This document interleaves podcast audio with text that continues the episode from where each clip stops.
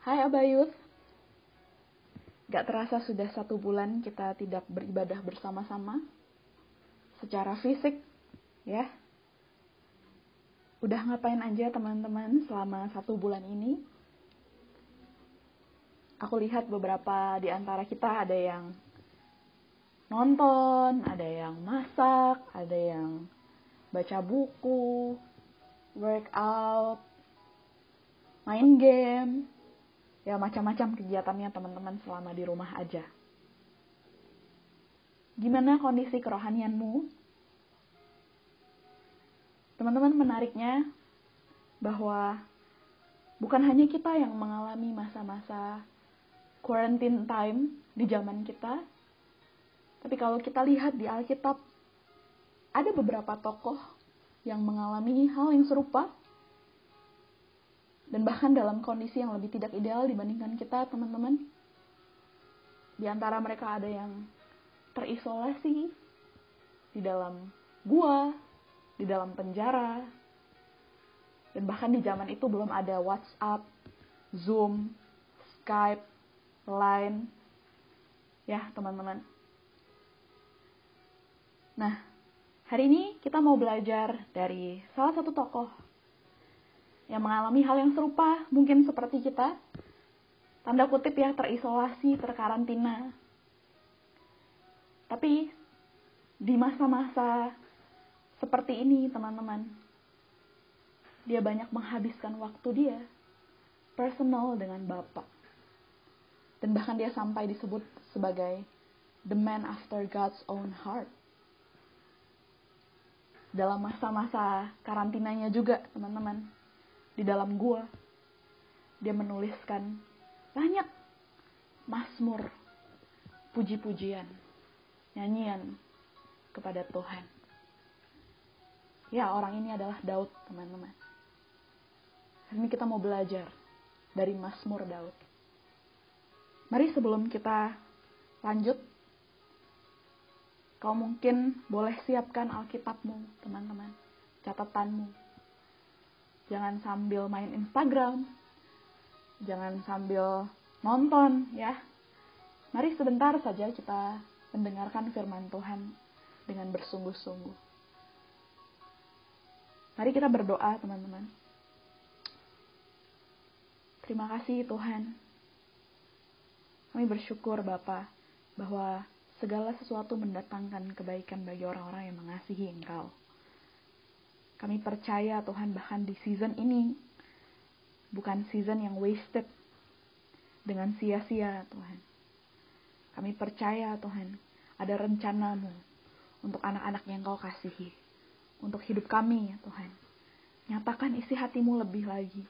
Untuk apa yang mau, kau mau kami kerjakan Tuhan. Terima kasih Bapa. Berikan kami hati yang lemah lembut untuk mendengarkan firman-Mu. Dalam nama Tuhan Yesus. Amin. Mari teman-teman kita buka di dalam Mazmur 1 ayat 1 sampai 6. Judulnya Jalan Orang Benar dan Jalan Orang Fasik. Ya, kau mungkin udah sering mendengar firman ini, tapi hari ini kita mau bahas secara mendalam tentang Mazmur 1 ini, teman-teman. Ayat ke-1 dia bilang begini. Berbahagialah orang yang tidak berjalan menurut nasihat orang fasik, yang tidak berdiri di jalan orang berdosa, dan yang tidak duduk dalam kumpulan pencemooh. Kata-kata ayat 1 dimulai dengan berbahagialah. Masih ingat teman-teman dengan firman di Yeremia 9 ayat 23 sampai 24 yang judulnya adalah mengenal Allah adalah kebahagiaan manusia. Hari ini dalam Mazmur 1 kembali dikatakan berbahagialah. Kalau kamu bahagia teman-teman, Mazmur 1 bilang, tidak berjalan. Orang yang tidak berjalan menurut nasihat orang fasik. Dan yang tidak berdiri di jalan orang berdosa. Pertanyaannya hari ini, apa sih orang fasik itu? Apa sih yang membedakan orang fasik dan orang benar, teman-teman? Nah, kita bisa lihat ciri-ciri orang fasik dan orang benar lebih lanjut di dalam Mazmur 17 ayat 14a. dan Mazmur 17 ayat 15. Daud menuliskan seperti ini. Luputkanlah aku ya Tuhan dengan tanganmu dari orang-orang dunia ini yang bagiannya adalah dalam hidup ini. Tetapi aku dalam kebenaran akan kupandang wajahmu dan pada waktu bangun aku akan menjadi puas dengan rupamu. Teman-teman ini ciri-ciri yang membedakan orang fasik dan orang benar. Kalau kata Daud, dia minta Tuhan meluputkannya dari orang-orang dunia yang bagiannya adalah dalam hidup ini. Atau dalam bahasa Inggrisnya dia bilang, those reward is in this life. Dengan kata lain Daud bilang seperti ini, teman-teman. Tuhan luputkanlah aku dari orang-orang yang pandangan matanya ada pada dunia ini. Dari orang-orang yang mengumpulkan banyak hal di dunia ini dan menjadi puas dan kenyang dengan hal-hal dunia. Wow, teman-teman. Kalau kita lihat di 1 Yohanes 2 dia juga bilang seperti ini. Dunia ini sedang lenyap dengan keinginannya. Pertanyaannya hari ini, teman-teman.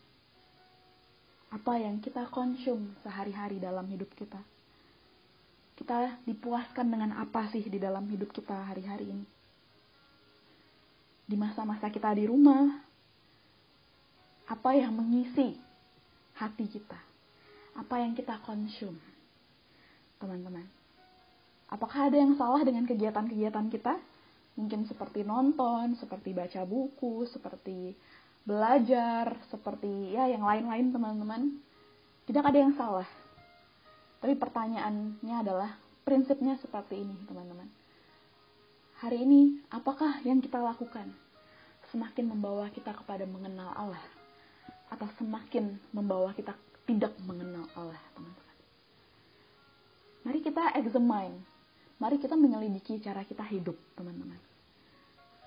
Apakah tontonan kita, apakah kegiatan kita, apakah yang mengisi kekosongan hati kita, teman-teman. Kita izinkan hal-hal yang daripada dunia ini, teman-teman. Firman Tuhan bilang, berbahagialah kalau kamu tidak berjalan menurut nasihat orang fasik Artinya teman-teman kalau engkau mau tidak berbahagia hidupnya, mari kita isi hidup kita dengan hal-hal lahiriah. Ya. Dengan hal-hal yang banyak memunculkan mungkin perasaan kita, pikiran kita yang semakin tidak serupa dengan Kristus. Tapi teman-teman kalau kita mau berbahagia hidup kita, firman Tuhan dibilang di Mazmur 17 ayat 15, tetapi aku, dalam kebenaran akan kupandang wajahmu. Dan pada waktu bangun, aku akan menjadi puas dengan rupamu. Dalam kata lain, Daud bilang gini, tetapi Tuhan mataku tertuju kepadamu dan kepada kekekalan. Aku tahu Tuhan bahwa aku tidak dapat dipuaskan dengan hal-hal lahiriah. Sebab aku hanya sementara di dalam dunia ini dan aku bukan berasal daripada dunia. Wow, teman-teman. Kalau kita mau berbahagia, mari bangun hidup kita, teman-teman. Dengan pengenalan akan Allah. Dalam kebenaran, kita memandang, kita mencari wajah, wajah Tuhan. Dan kita menjadi puas dengan rupanya, dengan firmannya, dengan hatinya, dengan kebenarannya. Apakah hari-hari ini teman-teman kita sedang dipuaskan dengan pengenalan akan Allah? Atau malah kita izinkan kita dipuaskan dengan hal-hal yang berasal daripada dunia ini? Mari teman-teman kalau itu bukan pengenalan akan Allah, kita sama-sama bertobat.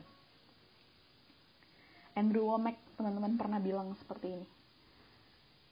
There are nothing that I can do that can make God loves me more or less. But there are things that I can do that can make me love God more or love God less.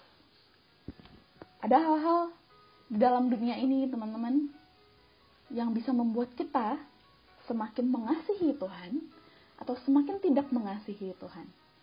Meskipun kasih Tuhan terhadap kita tidak berubah. Tapi ada hal-hal bagian saya adalah apakah saya semakin mengasihi Tuhan dan tidak mengasihi Tuhan lewat perbuatan saya. Mari kita lanjut ke dalam kalimat selanjutnya di Mazmur 1. Dan yang tidak duduk dalam kumpulan pencemooh. Duduk, teman-teman.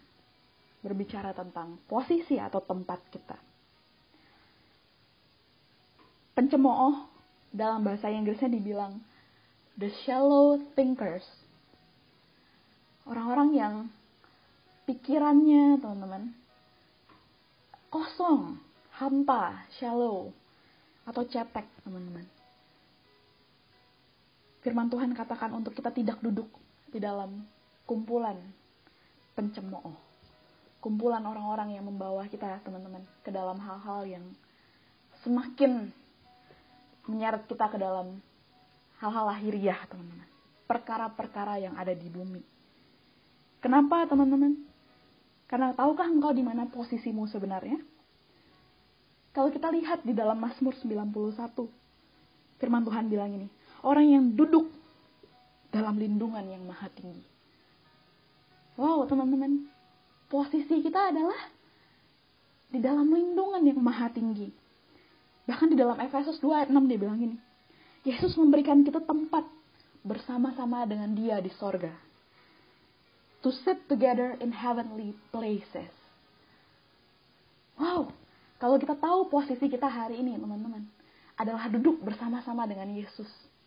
Apakah kita hari ini mau untuk di dalam posisi bersama dengan pencemooh, teman-teman? Tentu tidak.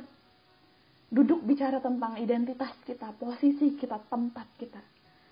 Kalau kita tahu kita adalah anak Allah, kalau kita tahu Yesus telah membawa kita menjadi anak Bapa, tentu kita tidak mau, teman-teman, duduk di dalam kumpulan kita nggak mau dikelilingi, dikepung dengan hal-hal yang berasal daripada dunia ini. Sebab kita bukan berasal daripada dunia ini, teman-teman. Amin. Lalu kita lihat teman-teman di ayat kedua, Mazmur 2. Tetapi yang kesukaannya ialah Taurat Tuhan. Dan yang merenungkan Taurat itu siang dan malam. Firman Tuhan di dalam versi The Message dia bilang ini chewing scripture day and night. Mengunyah firman siang dan malam, teman-teman. Hari ini mari kita lihat perenungan kita sehari-hari. Apa yang kita renungkan? Apa yang ada dalam pikiran kita, teman-teman? Apa yang menjadi imajinasi kita? Apa yang menjadi fantasi-fantasi kita, teman-teman? Selama kita di rumah, Let's examine our meditations, teman-teman. Apakah pikiran-pikiran kita, perasaan-perasaan kita, itu berasal daripada firman, atau bahkan pikiran-pikiran kita merupakan mungkin pikiran yang kosong, pikiran yang kesendirian, pikiran pikiran dan perasaan kesedihan, apa yang menjadi perenungan kita, teman-teman? Apakah kita banyak izinkan tipu daya iblis untuk masuk dan mendistrek hidup kita? Atau teman-teman, kita menjadi orang-orang yang merenungkan Taurat, merenungkan firman siang dan malam. Kita chewing scripture, kita mengunyah terus-menerus. Mungkin teman-teman, kalau kita sehari-hari kita lagi saat teduh, kita baca firman Tuhan, kita dengerin khotbah. Karena kita banyak di rumah, kita bilang, oh aku nggak mengalami nih firman ini. Aduh, aku nggak lagi nggak berasa seperti ini nih. Firmannya lagi nggak cocok nih dengan perasaanku. Firmannya lagi, aku nggak ngerti nih dengan firmannya, teman-teman. Mari teman-teman kita tidak membuang firman. Hanya karena mungkin nggak cocok dengan perasaan kita tapi kita mau teman-teman kita simpan firman itu di dalam hati kita. Kita simpan janji-janji Tuhan di dalam hidup kita. Kita tidak membuang firman itu teman-teman hanya karena tidak cocok dengan perasaan kita. Atau bahkan hanya karena jiwa kita bosan teman-teman. Mari kita fokus dan konsisten untuk mengunyah terus-menerus firman. Amin, teman-teman. Lanjut, teman-teman, di ayat ketiga. Dia bilang, ia seperti pohon yang ditanam di tepi aliran air, yang menghasilkan buahnya pada musimnya, dan yang tidak layu daunnya. Apa saja yang diperbuatnya berhasil.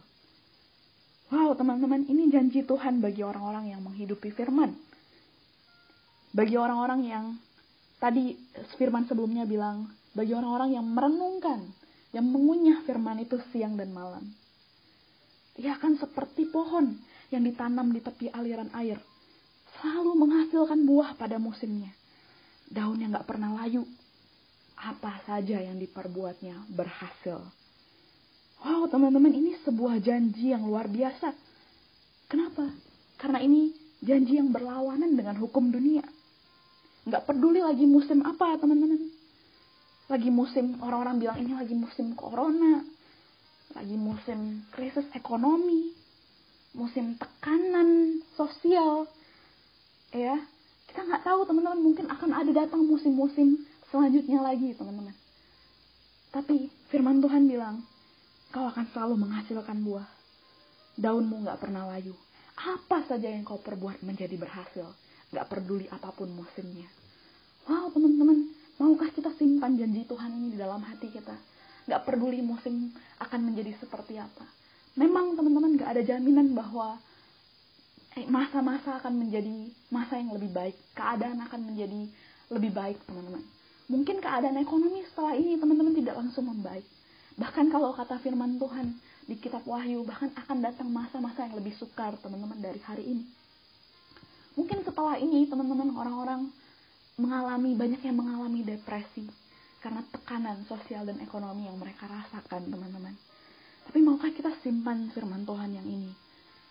Apa pun yang terjadi, saya seperti pohon yang ditanam di tepi aliran air saya menghasilkan buah pada musimnya. Tidak pernah layu daunnya. Apa saja yang saya perbuat menjadi berhasil. Wow, teman-teman, ini janji Tuhan yang konstan. Gak peduli musimnya bisa berubah, teman-teman. Gak peduli keadaan dan situasi di dalam hidup kita, di sekitar kita, teman-teman. Mungkin boleh berubah. Tapi firman Tuhan konstan. Janjinya ya dan amin buat hidup kita, teman-teman. Dalam Mazmur 34 ayat 10, Daud menuliskan seperti ini. Takutlah akan Tuhan, hai orang-orangnya yang kudus, sebab tidak berkekurangan orang yang takut akan dia. Singa-singa muda merana kelaparan, tetapi orang-orang yang mencari Tuhan tidak kekurangan sesuatu yang baik. Kalau kita hidup kita takut akan Tuhan, teman-teman. Hidup kita tidak akan pernah kekurangan sesuatu yang baik. Daud menuliskan ini, teman-teman. Di dalam masa-masa dia terisolasi, dalam masa-masa dia terkarantina di dalam gua, dalam masa-masa dia dikejar-kejar musuh, teman-teman tapi dia bisa dia bisa melihat janji Tuhan bahwa dia bilang nggak berkekurangan. Saya tidak pernah berkekurangan meskipun situasi dan kondisi hari ini tidak ideal di dalam hidup saya. Wow, teman-teman. Mari kita lanjut ke dalam ayat keempat. Mazmur 1 ayat keempat. Bukan demikian orang fasik. Mereka seperti sekam yang ditiupkan angin Tahu kan tahu apa itu sekam teman-teman? Sekam itu adalah kulit padi. Jadi padi, ada bulir-bulir padi. Bulir-bulir padi itu tuh dibungkus dengan kulit padi. Yang tidak digunakan kembali, teman-teman. Nggak bisa digunakan. Ringan sekali, teman-teman. Nggak perlu tenaga yang lebih untuk meniup sekam ini. Tiup sedikit aja dia udah akan terbang, teman-teman. Mazmur bilang orang-orang fasik mereka itu seperti sekam. Nggak perlu angin yang besar untuk meniup mereka, teman-teman. Angin sedikit aja mereka akan hilang. Ya. Tentu kita bukan orang yang seperti ini, teman-teman. Orang-orang fasik ini tidak membangun hidupnya dalam dasar yang teguh. Mereka selalu konsum, ya. Apa yang kita konsum hari-hari ini, teman-teman? Wah, berita bilang bahwa wah iya nanti susah ini perekonomiannya kita menjadi takut kita nggak simpan janji Tuhan yang kita simpan adalah berita apalagi teman-teman yang kita konsum adalah tontonan-tontonan yang tidak membangun, teman-teman. Tidak membawa kita semakin mengenal Tuhan. Game-game kita, teman-teman, yang membawa kita kepada kekosongan, kehampaan hati kita, teman-teman. Kita bukan orang-orang fasik, teman-teman. Kita bukan sekam. Kita tidak mau menjadi sekam yang gampang hilang karena ditiup oleh angin, teman-teman. Karena kata firman Tuhan, kalau kita bangun, taruh firman di dalam hati kita, kita seperti orang-orang yang mendirikan bangunan di atas batu, dasar batu, karang yang teguh. Mau badai, hujan datang, tidak akan pernah menghancurkan kita, teman-teman. Di Mazmur 1, teman-teman, kita lanjut ke ayat yang ke-6. Sebab Tuhan mengenal jalan orang benar, tetapi jalan orang fasik menuju kebinasaan. Tadi kita sudah belajar, teman-teman, siapa orang benar itu. Siapa orang benar itu? Di dalam Mazmur 17 ayat 15 dia bilang begini. Tetapi aku dalam kebenaranmu akan kupandang wajahmu dan pada waktu bangun, aku akan menjadi puas dengan rupamu. Tahukah engkau teman-teman bahwa di zaman perjanjian lama, kita dibenarkan karena perbuatan kita. Tapi kabar baiknya hari ini adalah dalam perjanjian baru. Ketika Yesus sudah datang dan tebus hidup kita, kita menjadi orang-orang yang dibenarkan, teman-teman. Karena kita orang benar, teman-teman. Dan roh Allah ada roh Allah yang sempurna ada di dalam kita. Firman Tuhan bilang, Tuhan mengenal jalan orang benar. Hai, itu engkau orang benar. Tuhan mengenal jalanmu. Roh Allah yang sempurna ada di dalammu. Dan roh Allah akan menuntun kita terus-menerus untuk selalu mencari dia, teman-teman. Makanya teman-teman, ketika roh Allah sudah ada di dalam hidup kita, teman-teman, Roh Allah itu akan menuntun kita untuk mengajak kita untuk semakin mengenal Tuhan, untuk semakin mencari Tuhan. Karena kita adalah orang-orang yang sudah dibenarkan di dalam Kristus, teman-teman. Ada satu kejadian di dalam hidup aku pribadi di masa-masa karantina ini, teman-teman. Di minggu-minggu pertama dan kedua, waktu aku lagi di rumah, aku banyak menghabiskan waktu aku dengan nonton. Ya aku nonton series. Jadi uh, banyak habis waktu. Tapi suatu ketika waktu aku lagi nonton teman-teman tiba-tiba aku berasa ada suara roh kudus di dalam hati aku yang bilang sama diri aku Alun ayo cari Tuhan ayo cari Bapak Ayo kenal Tuhan.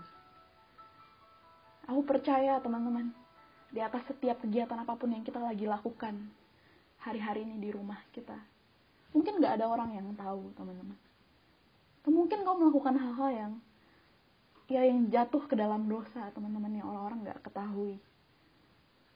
Tapi aku percaya teman-teman, ada roh Allah yang sempurna di dalam engkau. Dan roh Allah itu akan menuntun engkau untuk kembali kepada Bapak.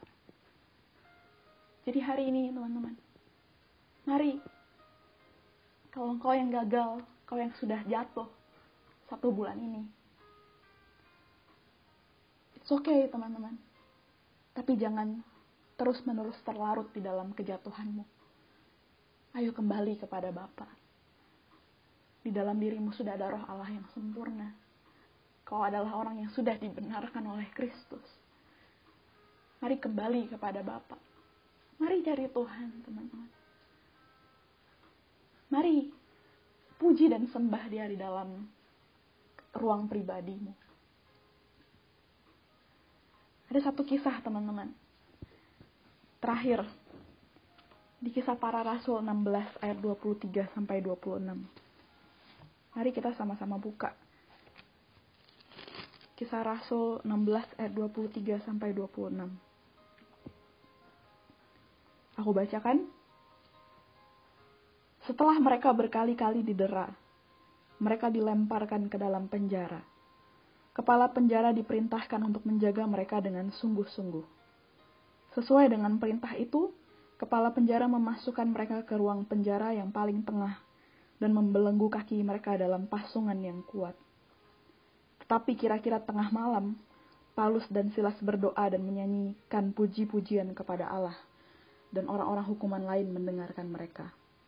Akan tetapi terjadilah gempa bumi yang hebat, sehingga sendi-sendi penjara itu goyah.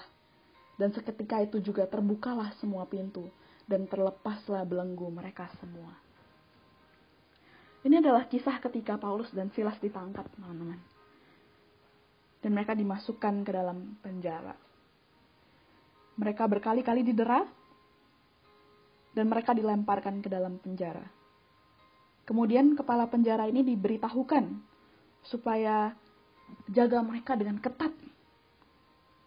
Sampai-sampai yang terjadi adalah mereka dimasukkan ke dalam penjara yang paling tengah, Artinya di dalam penjara yang paling tengah ini tidak ada kemungkinan sama sekali untuk mereka kabur dan keluar.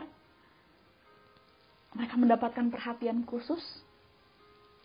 Dan bahkan lebih parah lagi mereka kaki dan tangan mereka dibelenggu, teman-teman, dalam pasungan yang kuat. Mereka terbelenggu. Paulus dan Silas mengalami isolasi atau karantina yang jauh lebih parah daripada kita, teman-teman Tentu hari ini kita masih di rumah aja, masih bisa ngapain aja di rumah. Tapi Paulus dan Silas mereka terbelenggu.